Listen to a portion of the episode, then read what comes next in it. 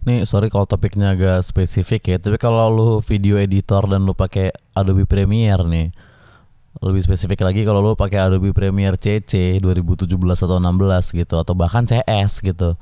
Dan lebih spesifik lagi kalau lu lagi mau upgrade ke Premiere Pro CC 2018 atau 19 Ya lu mending gak usah deh bro.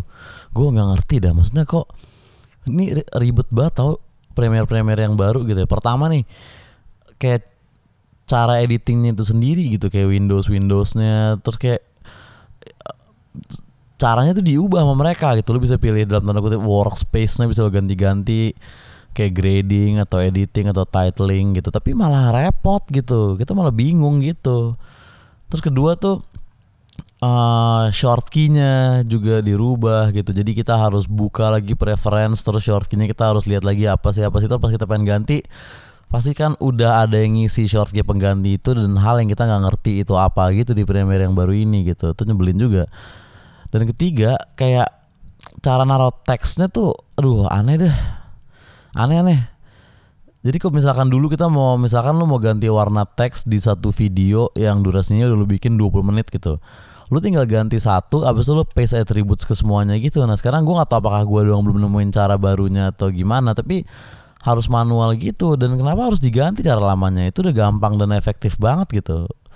Dia kayaknya tuh kayak mereka pengen ngasih fitur-fitur baru yang kita juga nggak tahu apa dan kemungkinan besar jarang pakai tapi fitur-fitur lama yang simple ini diganti cara makainya walaupun gue yakin pasti masih ada. Tapi dirubah gitu nggak jadi sesimpel yang lama gitu loh. Dan terakhir yang paling nyebelin tuh nih misalnya gue ekspor nih size kecil kan buat buat preview gitu. Gue dari dulu kayak gitu pas gue ngantor kayak gitu. Gue bikin video band juga kayak gitu gitu. Dan maksudnya bukan gue doang ya kebanyakan tuh caranya video editor tuh gitu. Preview kecil tek kasih ke kirim ke handphone. Handphone kirim ke klien atau ke temen yang kita lagi mau bikin videonya atau ya lu tonton sendiri gitu untuk review versi kecilnya.